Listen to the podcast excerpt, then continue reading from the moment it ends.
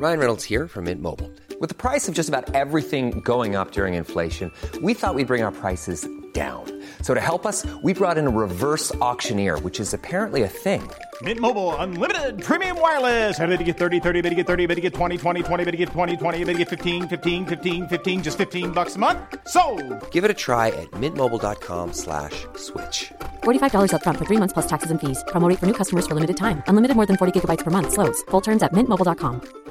Cool fact a crocodile can't stick out its tongue. Also, you can get health insurance for a month or just under a year in some states. United Healthcare short term insurance plans, underwritten by Golden Rule Insurance Company, offer flexible, budget friendly coverage for you. Learn more at uh1.com. Vi är sponsrade av Mindler och som ni säkert vet sedan tidigare så är vi ju ute på psykologresan tillsammans. Men hur vet man egentligen när det är dags att söka hjälp? Ibland uppstår saker i livet som kommer utmana oss och kännas tufft.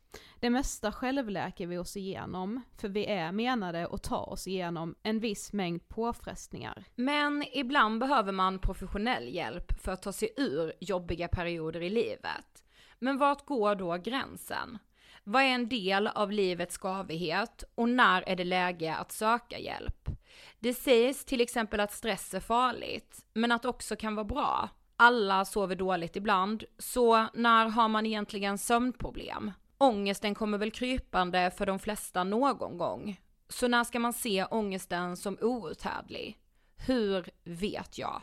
Med oss som psykolog har vi såklart min gamla psykolog Linnea Seidbrant. Okej, Linnea, hur mycket ångest är en del av livet och när ska man liksom söka hjälp för den? Ja, men ångest är ju en känsla som vi alla får då och då. Men när ångesten är så pass återkommande och intensiv att den påverkar ditt fungerande och orsakar ett stort lidande, då tycker jag att det är dags att söka hjälp. Sök hellre för tidigt om du är osäker. Då kan vi oftast med en ganska enkel insats förebygga svårare ohälsa. Och det är bra att tänka på att du förväntas ju inte kunna diagnostisera dig själv Mm. med någon fysisk ohälsa. Och det behöver du inte heller kunna göra när det kommer till din psykiska ohälsa. Vi kommer att hjälpa dig att avgöra. Gud vad det där är, alltså Det är för så det tror jag är haken för så många, inklusive mig själv, att jag ska redan veta vad mitt problem Jag ska ha är innan jag kommer till in. Ja. Ah. Jag ska komma till psykologen och säga hej, jag har liksom eh, PTSD och trauma och eh, kanske eventuellt ADHD och eh, är nedstämd och kanske en depression. Alltså, vet. Precis, och vi, jag menar, vi har ju pluggat i fem år, vi psykologer, just för att kunna göra bra och grundliga bedömningar. Ja. Så lämna det till oss. Ja, gud vad, alltså varför? Ja, det är jätteintressant. Ja, verkligen. Ladda ner Mindler till din telefon och läs mer på mindler.se.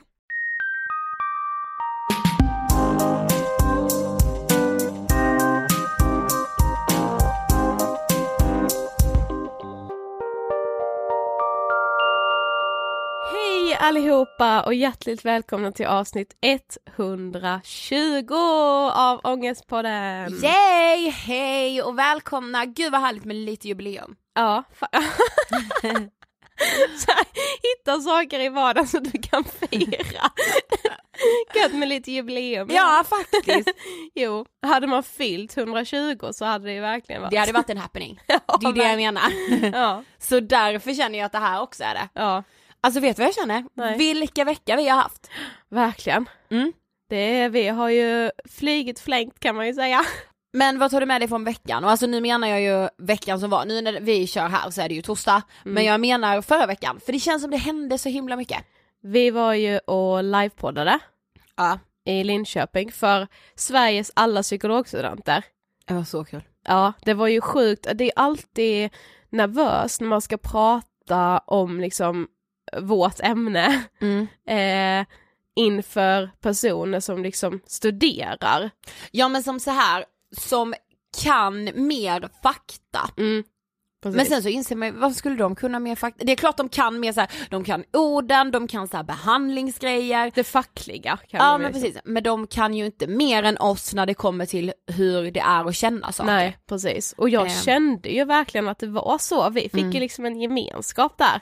Alltså jag tyckte det var så roligt. Ja. Och den här livepodden, vi tänkte ju inte släppa den. Nej, Men, Men vi kommer fan göra det det. blev ju så jävla bra va, så vi Ja, men kommer jag, göra det. jag kände det. Ja, Så om några veckor i podden så får ni alltså lyssna på hela vår livepodd ifrån eh, Linköpings universitet. Vissa av er kollade ju på den eftersom den sändes live på vår Instagram. Mm. Så himla kul, alltså verkligen så roligt att eh, den sändes live tycker Ja jag. men det är ju att vara 100% live alltså. Ja, Plus att vi var ju sätt. väldigt live eftersom det blev lite så här strul med tekniken så vi fick ju improvisera i princip hela podden. Ja. För ingenting ja nu menar vi inte att ta på oss cred eller så men eh, det var ju faktiskt eh, spännande. Mm.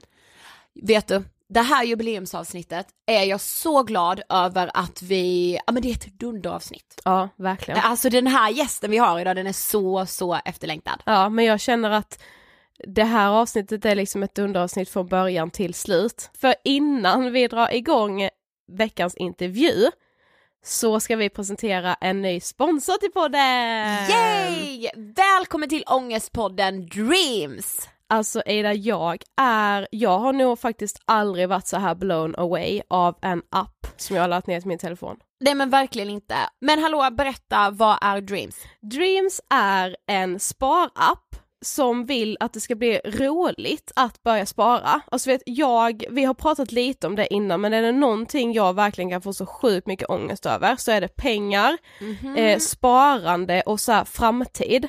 Ja. Alltså vet, jag känner liksom hur framtiden är och typ nosa mig liksom i nacken hela tiden och bara spara pengar, du måste spara pengar. Jag vet. Och sen så kollar man typ sitt kontoutdrag i slutet på varje månad och får bara ännu mer ångest för att man blir bara påmind om hur mycket man liksom typ har slösat bort sina pengar. Du, Sofie, det här med pengaångest, Mm. det är ju faktiskt många av er lyssnare som skriver om det till oss. Mm.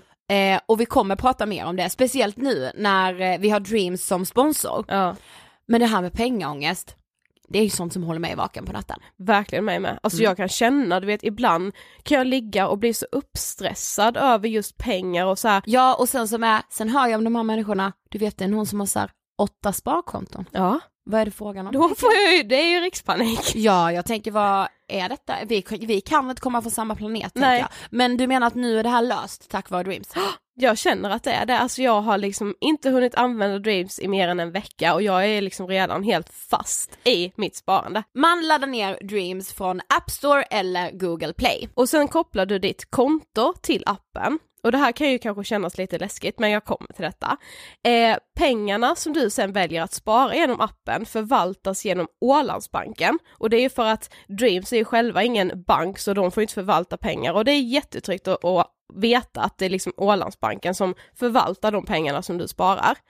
Eh, och du kan när som helst föra över pengar till Dreams, du kan när som helst föra tillbaka pengar från Dreams till ditt konto igen, så det är liksom ingen, ingen bindningstid, ingenting som binder några pengar någonstans, utan Dreams är bara ett sätt som ska få dig att vilja spara pengar. Vad drömmer du om då?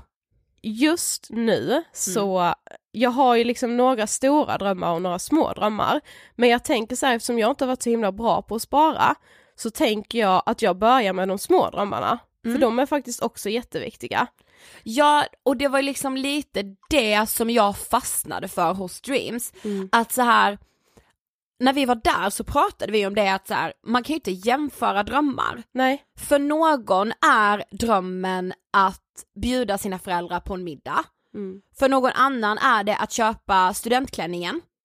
Och för en tredje är det att eh, våga gå på bio. Mm. Alltså alla drömmar är liksom sina egna och man har rätt till dem hur stora eller små de än är känner jag. Men så här, vi har ju ändå en dröm tillsammans som vi har pratat om väldigt, väldigt länge. och det är att kunna bjuda några av er lyssnare på typ en brunch, afternoon tea, alltså vi har inte helt bestämt vad det är vi vill göra men vi vill liksom träffa er och kunna bjuda er på någonting för vi får så himla mycket av er så nu vill vi faktiskt bjuda tillbaka. Exakt, och nu kände vi bara när vi gör ett samarbete med Dreams så kan vi liksom sätta drömmen till verket, eller Eh, säger man så? Ja men så Ja. kan man säga. Eh, så så här, på vår Instagram, Angestpodden, kommer det ligga en bild och vi vill ha era bästa sparhacks. Alltså era tips för att vi ska kunna spara ihop till den här brunchen, afternoon tea eller vad det nu kommer bli.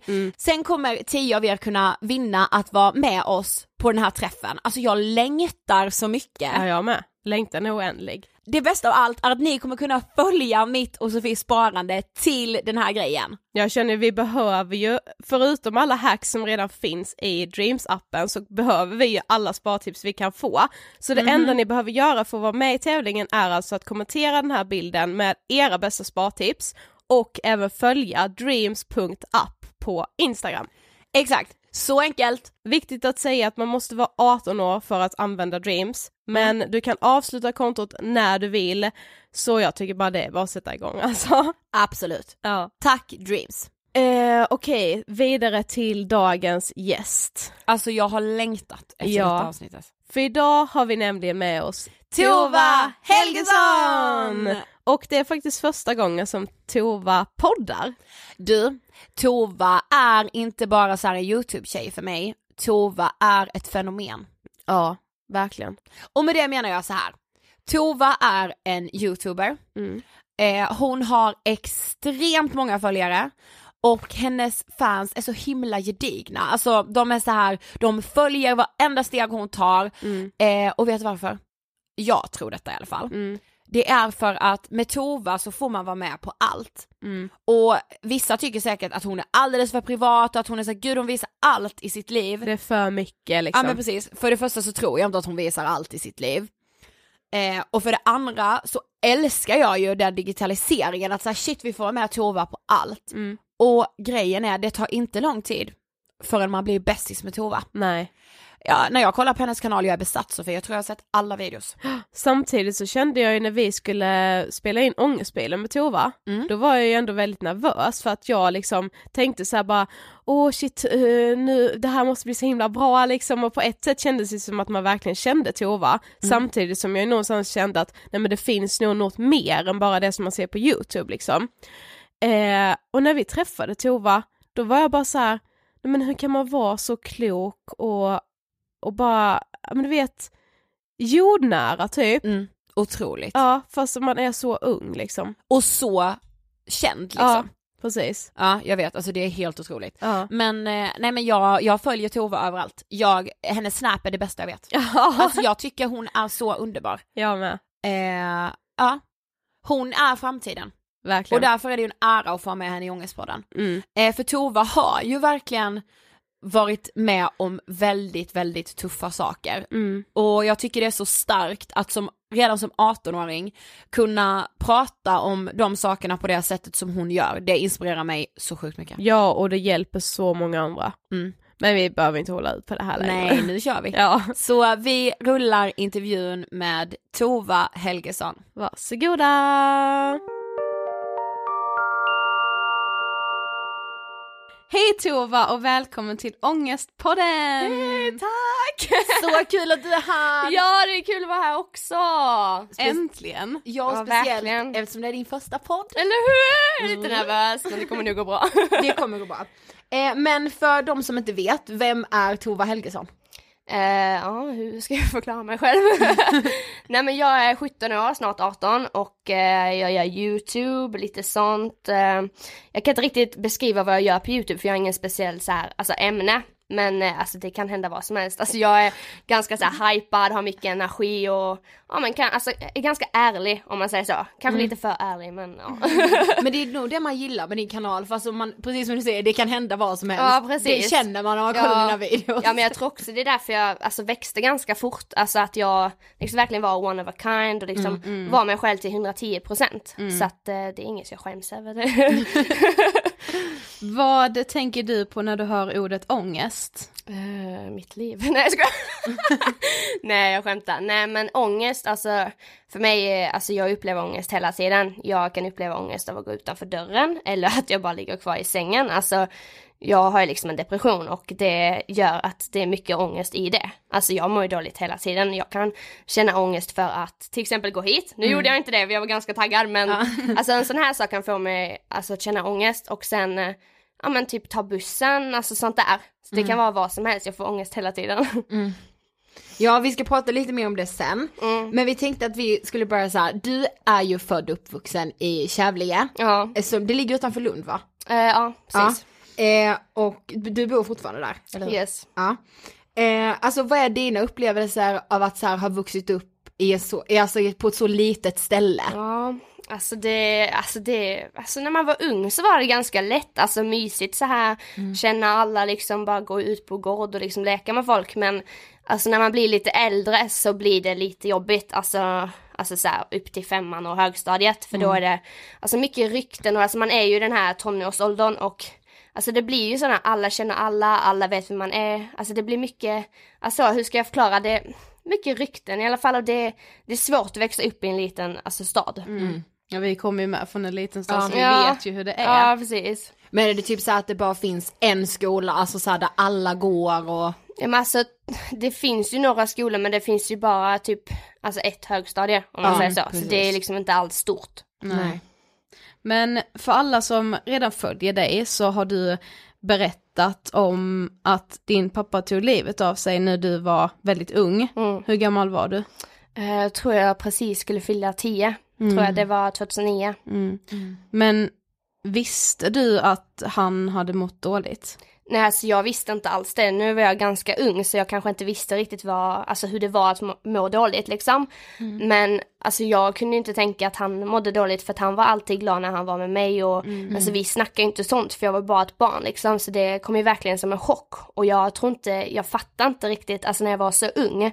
Alltså det är ju mer på senare tiden när jag alltså gick i femman, sexan som jag verkligen typ insåg alltså att han är död.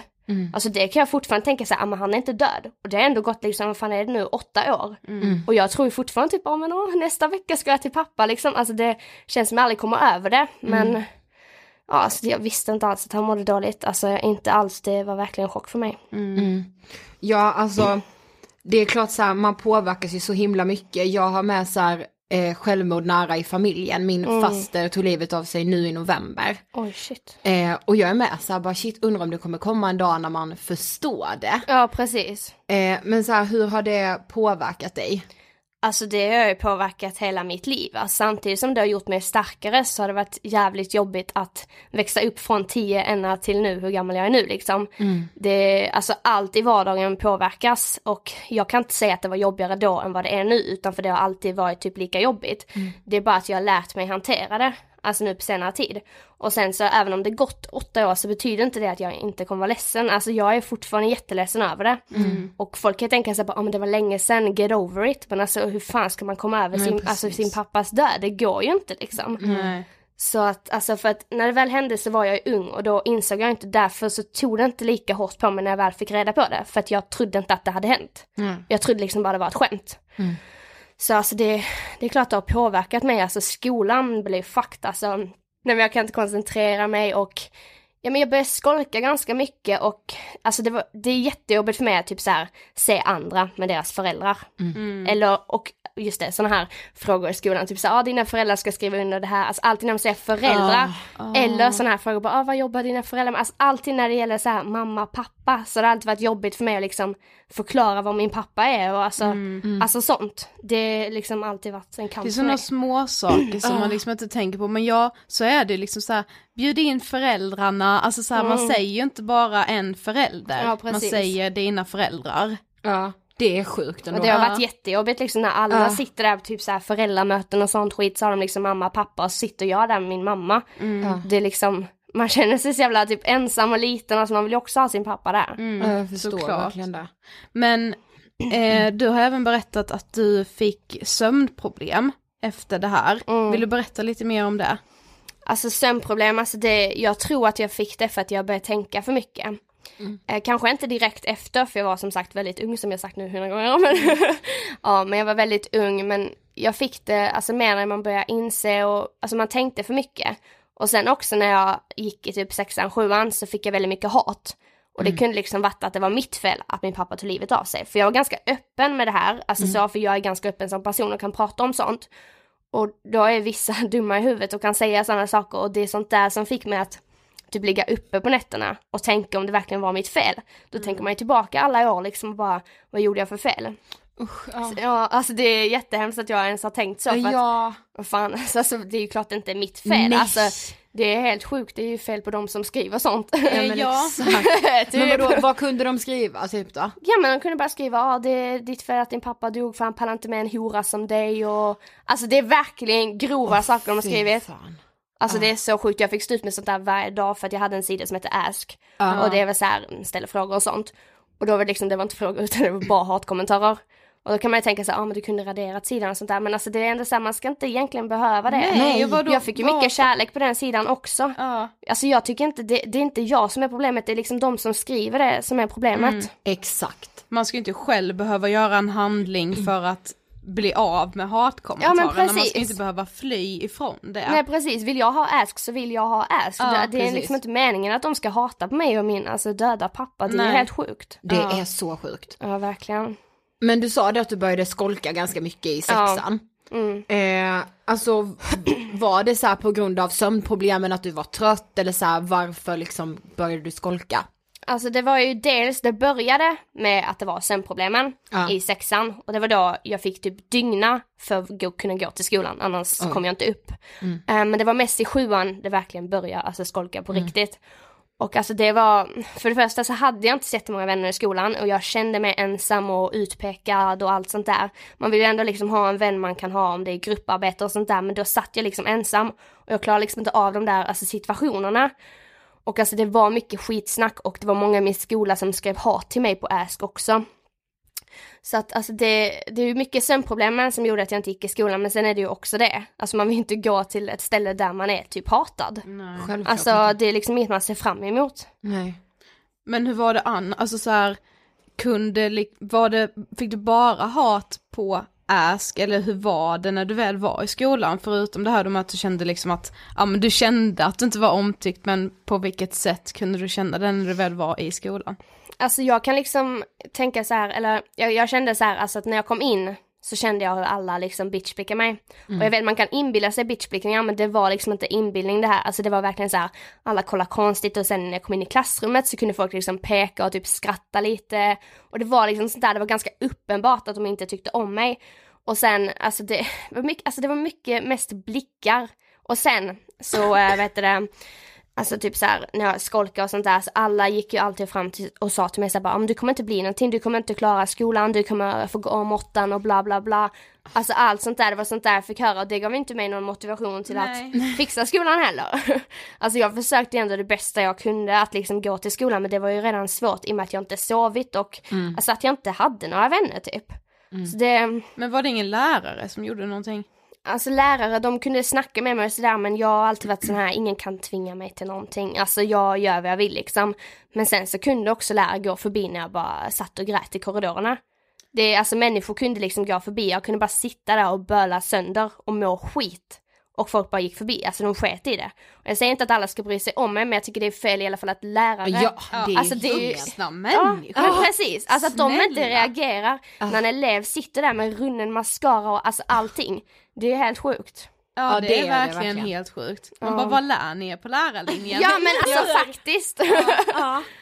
Men sen så, alltså du hade din så här ask då Mm. och du blev ganska stor där va? Ja alltså inte så jättestor men jag, alltså om man ska säga så här, jag var ändå en ask-kändis typ. Ja, precis. Och sen började du med YouTube då. Ja. Och det gick ju så jäkla fort. Ja alltså det är sjukt fort, alltså det är helt sjukt. Jag kan Ja. fortfarande inte fatta det, det har ändå två år sedan nu. Men alltså det är sinnessjukt. Men det sjuka var jag fick, alltså jag, jag trodde ändå jag skulle få massa följare från min ask i och med att jag hade ganska många där. Men det var typ bara tusen pers kom från min ask och sen stod det liksom stilla på tusen i typ en månad. Så jag bara ah, okej whatever, alltså jag brydde mig inte så mycket, det var inget seriöst liksom och sen bara boom. Bara Ass. kom det. Och det var liksom ingen som hade gjort en shoutout, jag hade inte gjort en speciell, alltså provocerande video, ingenting. Utan det bara kom typ. Alltså det är så coolt. Det- Alltså det är så sjukt, jag fattar inte. Men alltså hur kände du då, alltså när du kom tillbaka till skolan och ändå hade blivit liksom känd genom YouTube, hade liksom inställningen till dig ändrats då? Kunde du känna så här att de som tidigare typ hade mobbat dig lite, att de helt plötsligt ville vara vän med dig? Alltså grejen är att när jag började med YouTube så var jag sjukskriven och då hade jag bytt skola för jag var tvungen att gå om åttan. Så att då kände jag att men jag vill inte gå på samma skola då och gå om liksom, nu vill jag köra en ny start för jag tänkte verkligen satsa 100%. Men då blev jag inte så, alltså folk gillar inte mig så mycket där heller. Eller alltså, då, det var inte samma sak som förra skolan att de sa saker men det var verkligen så här, jag var ensam. Alltså verkligen ensam och det, det, alltså det känns inte bra när man är ensam på en ny skola. Det var Nej. samma med grupparbeten och sånt, det var liksom inte kul alls. Eh, så sen så hände en incident som gjorde att jag liksom inte pallar mer. Alltså jag har ju haft en depression ända sedan typ sjuan kan man säga och då så blev jag sjukskriven till slut för Mm. att eh, det, jag mådde dåligt. Och eh, då medan jag var sjukskriven, det var då jag började med YouTube.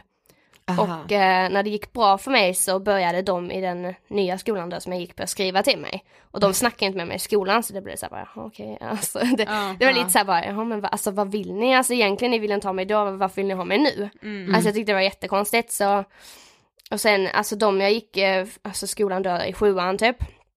Och de kan skriva till mig nu och bara Alltså typ såhär, vilja prata med mig igen och typ såhär bara, åh varför skiter du? Åh så vi som alltid fanns där för dig. Jag bara, alltså ursäkta vadå fanns där för dig? Alltså ni fuckar min skolgång. Alltså Ja. det är sånt jag kan tycka, jag tycker det är hemskt alltså egentligen för att de vill inte ha mig då, då ska de inte få mig nu heller. Nej. Det är som att de bara vill ha mig nu för att jag har liksom följare och alltså, pengar och status och alltså allting. Ja. Liksom bara för att jag är Tuva Helgesson, alltså så. Ja. Så jävla pain. Men, Ja, verkligen. Ja, det det. men, men du har ju både ADHD, depression och social fobi. Ja. Har du två diagnoser till? Ja, jag har cyklosemi och eh, panikångest. Ja, Mm. men vi tänkte börja lite på din sociala fobi. Mm. När, när började det? Alltså jag har ju alltid trott att jag varit blyg liksom hela mitt liv. Eh, jag tror alltid jag haft lite, alltså social fobi. Och sen har den liksom urartat sig, alltså det har bara blivit värre och värre. Men jag tror att jag märkt det nu mest de två senaste åren. Alltså jag har alltid haft problem med att prata med folk och alltså det har varit jättejobbigt i folksamlingar och jag har känt liksom panik och alltså även att typ ringa folk. Alltså att prata med folk överhuvudtaget, speciellt okända människor, alltså vänner och sånt, det, det kan jag liksom prata med men alltså okända människor, det kan verkligen vara att alltså någon knackar på min dörr och jag vågar inte öppna. För att jag är så rädd för människor. Det är liksom, många kan ju tro att social fobi bara är så här mycket folk och folkmassa och sånt, men det är inte bara det, alltså det, det är också det jag säger, bara människor i sig typ. alltså alla sociala sammanhang om man Ja, kan säga det så bättre.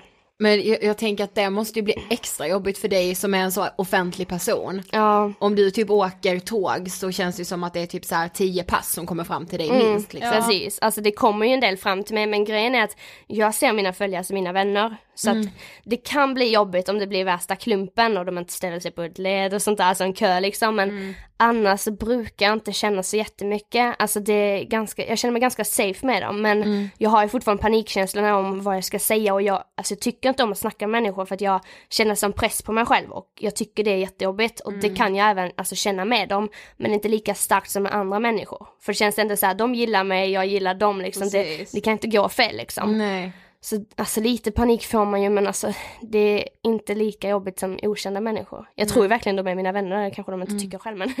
Jo det tror jag.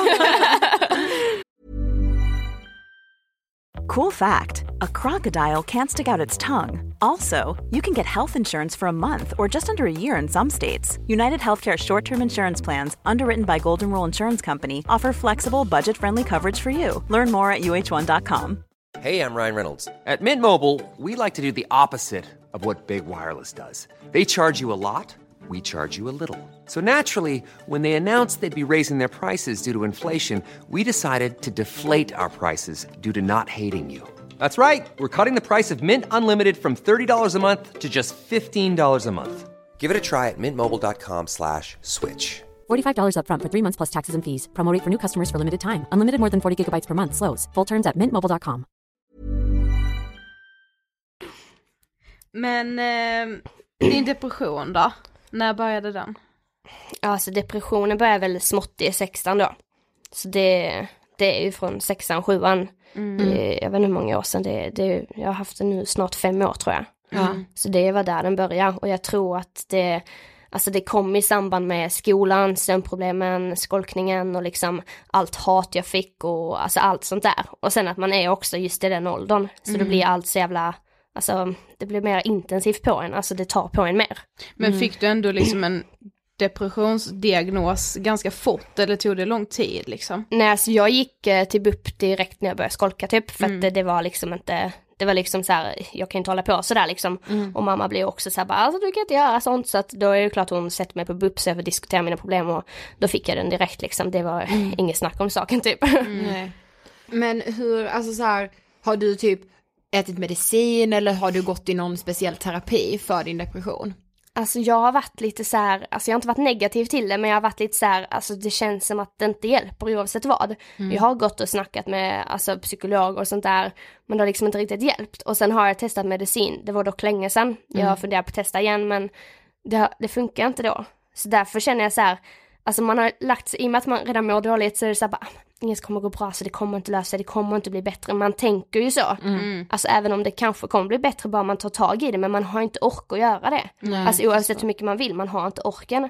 Alla bara, ah, men gå och sök hjälp, du kan inte ligga i din säng hela dagarna och bara tro att någon ska göra det åt dig liksom. Men det går inte att bara, alltså göra det, det är verkligen lättare sagt än gjort. Verkligen. Mm. Men hur skulle du beskriva typ din depression för någon som inte har varit deprimerad?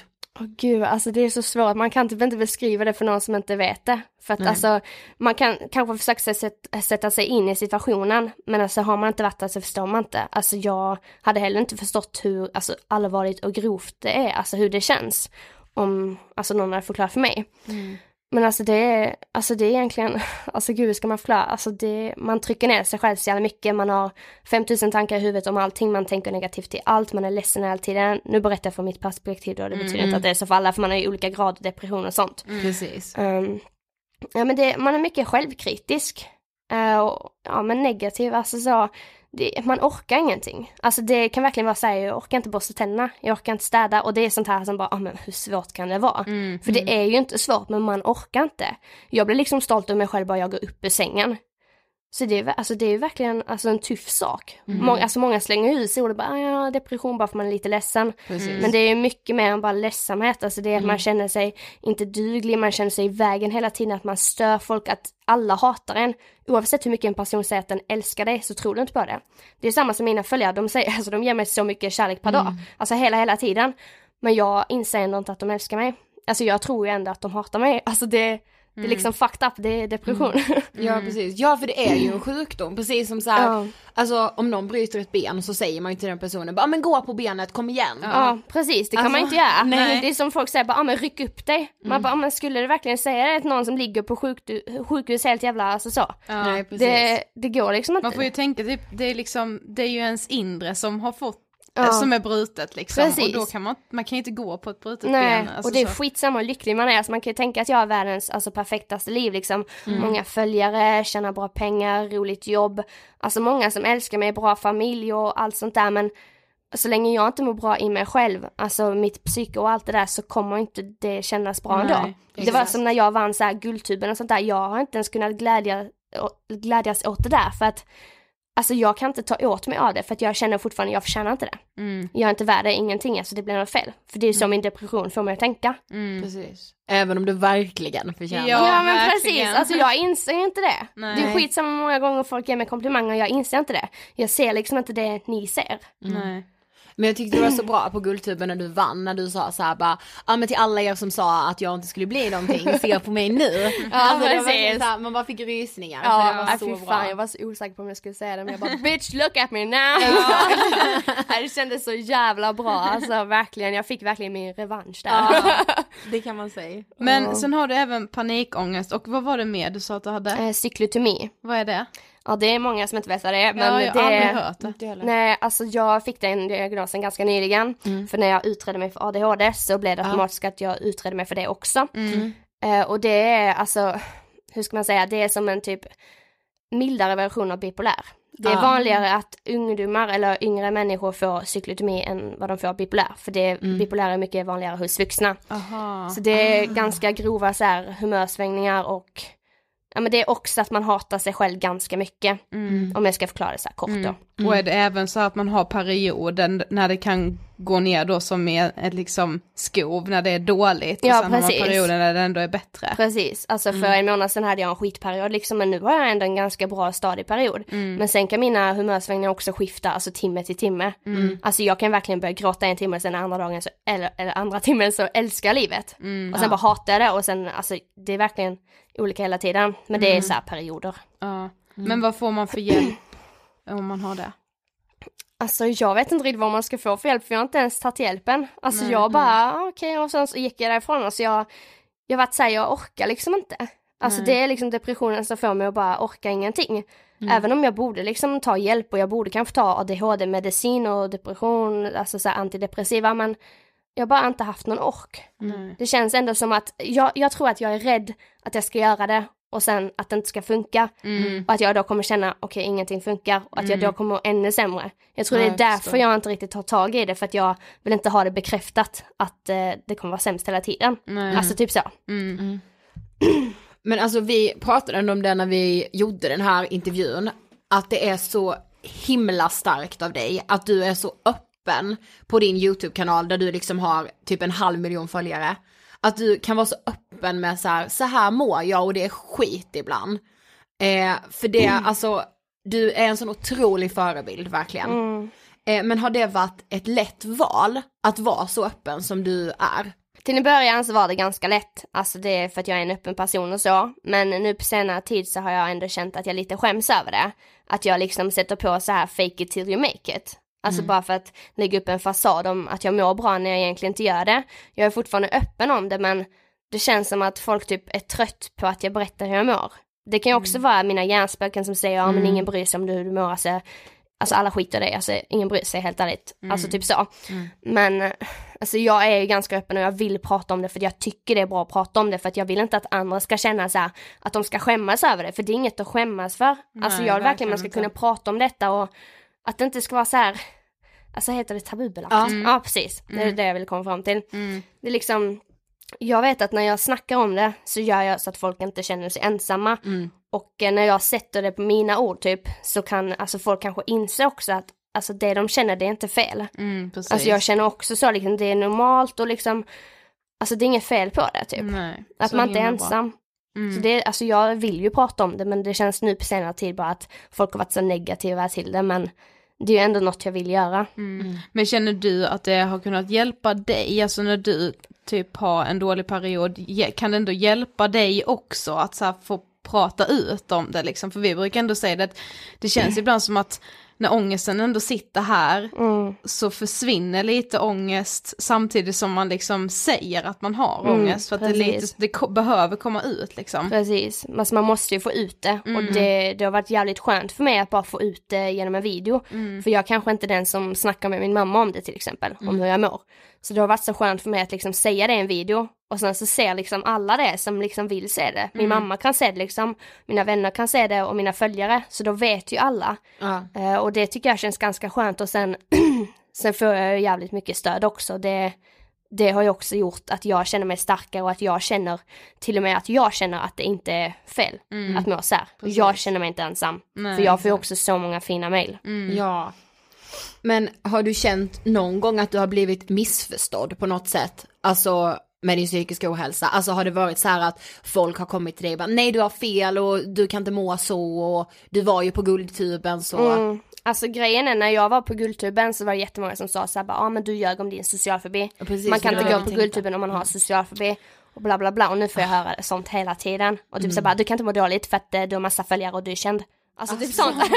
det är bara jaha okej. så att det har varit jävligt jobbigt, speciellt det där Ja. med Guldtuben för att det tog mig alltså flera månader, flera ångestkvällar, alltså verkligen, jag har verkligen fått ångestattacker inför Guldtuben. Och det är liksom, det var så jobbigt för mig att verkligen ha kämpat så jävla mycket och sen när du väl kommer dit så får du bara höra att du ljuger. Självklart så fick jag jättemycket kärlek också men Ja. i och med att jag har depression så ser jag ju bara det negativa, så jag letar bara efter det negativa. Så därför såg jag ju knappt kärleken. Nej. Men det är så sjukt att det ska bli, alltså så här. Alla borde ju bara peppat dig där och bara fan Mm. vad grymt av dig. Precis. Alltså det är ju bara så mycket okunskap att säga så här, ja men då har du inte social fobi. Precis, alltså, Alltså- hur, alltså bara för att man övervinner en sak någon gång så betyder inte det att den är borta. Exakt. precis. Alltså jag, jag kan ju fortfarande inte gå till affären själv. Det skulle jag aldrig göra hela mitt liv. Men liksom jag har ju kunnat flyga själv nu och det kunde jag liksom inte typ för ett år sedan. Hade jag aldrig klarat av. Visst jag har fått kanske typ två panikattacker varje gång jag har flugit men jag har ju ändå gjort det. Men det betyder inte att jag är frisk från allting. Nej precis. Det är liksom, jag känner ju fortfarande, jag blir Ja. ju inte, blir, Det är ju bara inte ett bort. steg på vägen. Precis. liksom. Jag måste ju kämpa, steg. jag kan inte bara, jag kan inte bara sitta i min säng och typ tro att socialfobin ska gå bort. Nej. Även om det är jobbigt att ta tag i saker så vill jag ju ändå göra det för jag, jag vill inte känna att det är jobbigt. Jag vill Nej. liksom klara det. Och man måste ju tyvärr, hur jobbigt det än är så måste man ju öva. Det Precis, är det. annars kommer det ju aldrig gå över. Nej. Så jag måste också snart börja öva på att gå och handla själv. Mm. För hur fan ska det gå annars när jag liksom bor hemma, eller inte bor hemma, när jag har flyttat Mm. hemifrån. Då måste jag ändå kunna gå och handla själv. Precis. Då kan jag liksom inte ha någon som följer med mig hela, hela tiden. Nej. Jag måste liksom kunna klara mig själv och kunna ringa samtal och allting. Mm. Och det kan jag absolut inte nu. Alltså jag skulle aldrig ringa ett samtal, jag kan inte ens ringa liksom 117. Men om ett år, 77. om ett år kan du kanske det? ja, om ett år kanske jag kan, om jag Mm. övar. Men jag har liksom inte ens vågat öva och gå och handla själv. Men jag har liksom vågat alltså flyga flygplan själv. Mm. Så det är olika, alltså så vad man känner för stunden. Mm, Precis. Men skulle du säga att du har ett starkt bekräftelsebehov? Alltså, jag vet inte riktigt. Jag, alltså i och med min depression så behöver man höra att man är fin typ. Mm. Jag behöver liksom, alltså få veta att jag är älskad i och med att jag tror inte att jag är det. Och därför så tror jag att jag behöver bekräftelse. Sen är det inte att jag går så här, alltså till killar och sånt söker bekräftelse. Det gjorde jag mer när jag alltså var 13-14. Mm. Det gjorde jag jättemycket, alltså jag skickade bilder till killar och sånt där, vilket jag skäms över. Men alltså det var ju typ ett självskadebeteende jag hade liksom. Jag gjorde sånt för att jag mådde bra för stunden, men det skadade mig själv i slutändan. Men jag tycker inte du ska skämmas för det. Nej jag skäms inte sådär jättemycket för jag pratade om det på min youtube också. Ja. Och jag var så nervös när jag la upp den videon, alltså jag höll på att bajsa på mig, alltså helt ärligt talat. Ja. Och sen, jag hade ju inte berättat för min mamma, inte mina bröder, ingenting. Och det var verkligen så här, när jag la ut den så kommer alla se det. Jag blottar mig liksom för alltså, alla följare nu och allting. Så det var ett stort steg men det känns ändå bra. För att jag vet att så många är i samma situation Du, men de inser säga- inte det. Alltså det är så vanligt, Ja. och som du säger, alltså det är ju som ett Ja självskadebeteende. det är verkligen För det. det blir någon så här, någon jättekortvarig bekräftelse, fast det blir ju mer skam än Precis. vad det blir bekräftelse. Precis. Men så måste man fortsätta göra det, för den där lilla bekräftelsen måste liksom väga upp Mm, den där skammen. Vi har fått så mycket mail från unga tjejer som just skriver om det, att de Ja. så här, bara, jag kan inte sluta skicka bilder. Mm. Och grejen är man är så jävla ensam när man gör det. Jag Mm. trodde inte att någon annan gjorde det. Så det hade varit så skönt för mig om någon bara snackade med mig om det men jag visste inte liksom. Nej. Men kunde det vara så här, alltså killar som du kände då, alltså som så här, eller? Alltså det, det var olika, det kunde varit att jag hittade en kille på chatroulette Mm. och sen så skypade jag med honom och sen han bara, ah, men visa brösten så jag bara, ah, nej alltså så man vill Mm. ju inte, han bara, ah, men kom igen var inte sån tönt, alltså var inte så dryg brud, alltså så här, var inte så tråkig, alltså så alltid så att man är tråkig bara för man Ja, inte vill någonting, precis. så jävla drygt. Så då kände man bara, ah, men jag måste för jag vill inte vara tråkig. Mm. Och sen blev det bara att man fick sån bekräftelse, man kände sig fin, men sen alltså så fort man la på samtalet så började man gråta. Ja. Alltså man mår så dåligt. Jag kunde verkligen bara precis. snappa med killar hur som helst. Mm. och det är liksom, alltså utan alltså, att tänka på konsekvenserna. Mm. Alltså jag kan inte lita på varenda kille jag snappar med liksom, så kan man inte bara tro att man kan lita på alla för det kan man inte. Nej. Alltså de bilderna kan ju läckas ut, vilket Mm. de också gjorde en gång. Alltså det var, jag hade skickat till någon eh, kille i min skola. Mm. Eh, För jag typ gillar honom jättemycket och sådär. Så då kände jag bara, ah, om jag skickar bilder så kommer han gilla mig mer. Mm. Fast egentligen så vill han ju bara ha min kropp då, men det fattar ju inte jag. Nej. Så då blev det liksom att om han visade den för alla sina kompisar, sen visste alla i skolan det och alltså det blev ju så. Mm. Och det är liksom, det kan ju fucka för en i slutändan, så man måste sluta med det hur svårt den är. Ja. Det skadar bara en själv, alltså jag mådde så dåligt under den perioden. Ja, för det är ju typ många som skriver det med som ändå håller, har skickat bilder så att de kommer alltid dit att Mm. det är någon som typ börjar utpressa dem för att bara du, jag har ju de här bilderna på dig så Mm. Precis. gör inte du detta nu så kommer de att Mm, spridas. det har jag fått nu också. Typ såhär bara, om inte du ger mig en shoutout så kommer jag läcka ut bilderna på dig. Kom ihåg att jag har nakenbilder på dig. Och sånt där, jag bara, Alltså fy fan och det, alltså, det gör så ont i en. Mm. Alltså för man blir ju så jävla rädd samtidigt som man bara tänker, vad fan är det för killar, alltså helt ärligt. Ja, precis. Så, Ja. Men så starkt att berätta om det, verkligen. ja men jag tycker det är bra att prata om, så länge jag kan hjälpa en person så är jag ju nöjd. Sen Ja. skiter jag i vad jag får för konsekvenser, bara jag hjälper någon, typ så Men känner jag. Ja, ja, men jag tror att det är alltså ett av de vanligaste problemen bland så här Mm. unga tjejer Det är verkligen främst. det, men man skäms så jävla mycket, man känner sån skam så att man vågar inte säga det till någon. Nej, Därför precis. är just det ämnet jävligt tabubelagt. Ja. Ja, verkligen. Men som sagt, alltså du är ändå en av Sveriges största YouTubers. Eh, och du får ju otroligt mycket kärlek. Mm. Men får du mycket hat också? Ja, alltså jag får mycket hat men eh, jag har lärt mig hantera det. Mm. Alltså, jag kan ju vissa kvällar verkligen alltså gråta över det. Mm. Alltså så och leta efter hatkommentarer bara för att såra mig själv. Jag vet Mm. inte ens varför jag gör det men jag bara gör det liksom. Men annars nu, alltså på senare tid, alltså jag har inte brytt mig helt ärligt talat för att jag måste ändå tänka lite logiskt. Alltså hade jag liksom, jag hade inte haft de följarna jag hade om jag var Nej. en dålig youtuber. Precis. Då kan man inte ta åt sig en sån kommentar för det är inte logiskt att det skulle vara så. Nej. Man måste ändå försöka ha lite hjärna fast depressionen fuckar för en. Exakt. Ja. Ja men alltså du känns väldigt, väldigt stark i dig Mm. själv. Eh, det är ändå det intrycket man får av dig, även Ja. fast du kan visa dig väldigt skör. Ja, Så är det precis. typ det som gör att man, att du är så stark. Ja men jag, Precis. jag kan erkänna att jag är ganska stark i mig själv. Jag har lite svårt att stå upp för mig själv och sådär, sådana situationer men Alltså jag är ändå stark i mig själv, jag har klarat mycket och jag kommer att klara det mesta. Jag har redan gått igenom ett jävla helvete hela mitt liv så att eh, vad som än väntar så kommer jag klara det också. Typ så känner jag. Jo men det är ju så, men man ska ju liksom inte glömma bort det för att de som faktiskt vågar stå upp för att de mår dåligt och visa att, det är skit liksom, Mm. det är de personerna som är de starkaste. Precis, alltså det krävs ju ändå mod och liksom våga Verkligen. prata om det. Ja. Så att det, det är bra. Ja.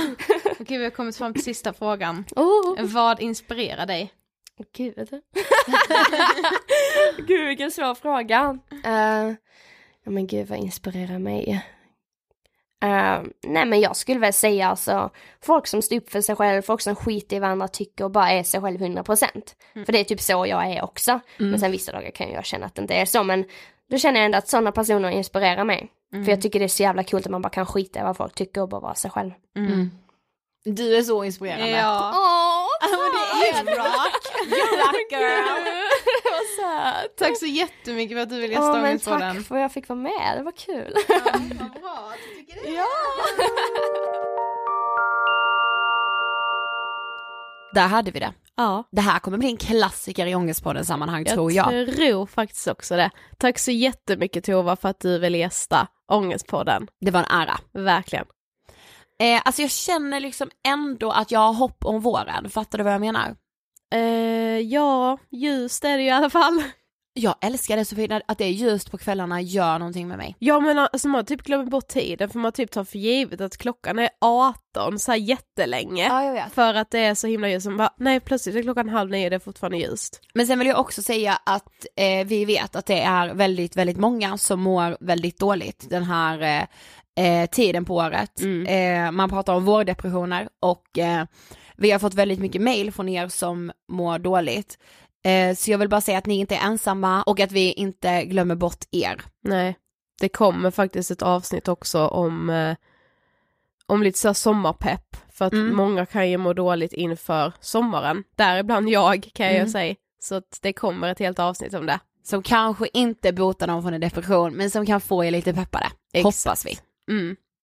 Okej, veckans hisseliz. Yes. Ska jag börja för du brukar börja. Okej.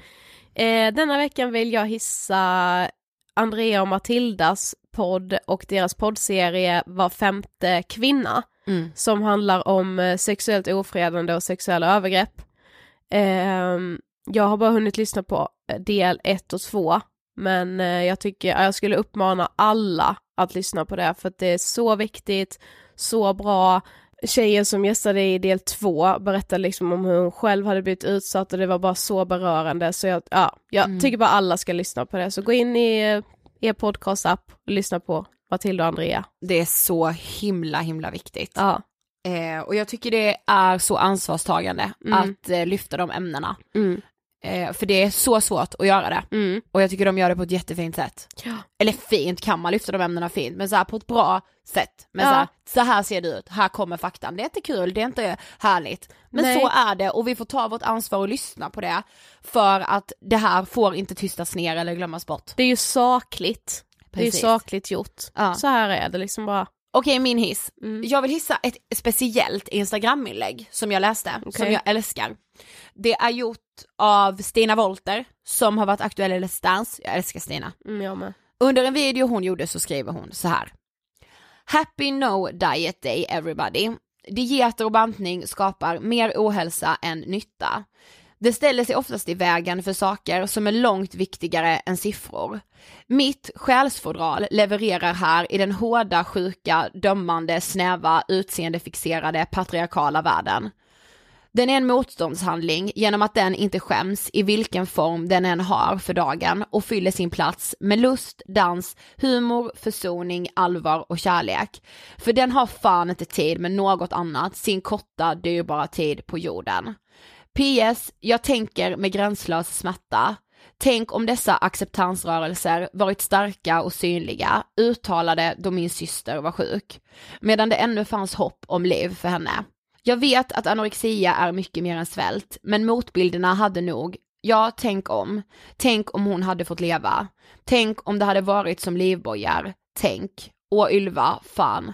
Jag står rak med din plågade kropp gömd i min och jag ska dansa oss fria, söstra min. Mm, jag läste också det, det var så fint. Ja, Stina Wolters syster eh, gick ju bort i anorexia. Mm. Och eh, den här filmen visade Stina när hon dansade och verkligen så här, ehm, ja men eh, i sin, all sin prakt. Mm. Hon skäms inte för någonting. Nej. Även om inte hon ser ut som idealet. Mm.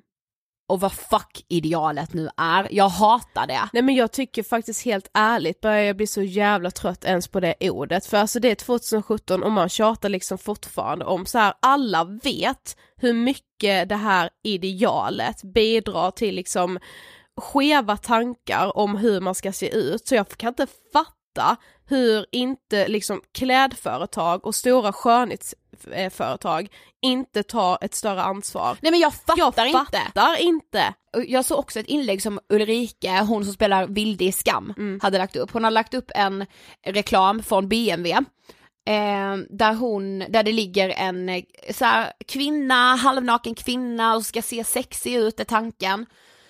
Eh, så hade hon skrivit så här bara, att, eh, ja, kan media fortfarande inte säga att eh, kvinnor presenteras som objekt i de här reklamerna? Ja. Och sen har de skrivit, tänk om alla kvinnor vaknade upp imorgon och bestämde sig för att de faktiskt gillade sina kroppar, sig själva och sina egna, och bilden av sig själva. Hur många industrier och företag som bara hade fått stänga igen på periken. vet. Så många som bara liksom så här. Mm.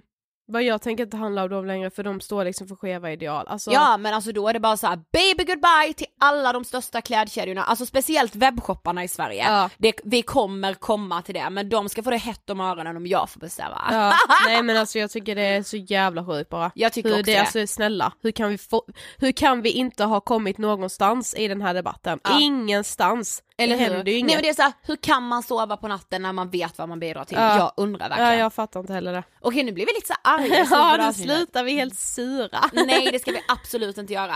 Eh, Tova förgyller eh, hela den här veckan tack vare avsnittet känner jag. Ja.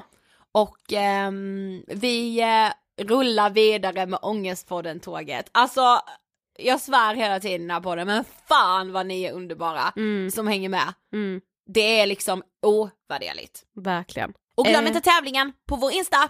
Precis, följ oss på Instagram och eh, ge oss era bästa sparhacks nu så att vi kan eh, göra något riktigt roligt tillsammans. Ja, och vi heter som sagt Angestpodden på Insta. Yes. Eh, vi hörs nästa vecka och då kommer vi prata om någonting som eh, vi, vi tror att många av er kan relatera till, nämligen att vara självdestruktiv och inte självdestruktiv när det kommer till självskadebeteende, utan de här självdestruktiva sakerna som man gör mot sig själv, men som man kanske inte ens förstår är självdestruktiva. Maila oss om ni har några tips på vad vi ska ta upp. Mm. Okej, Ha det bäst. hej då!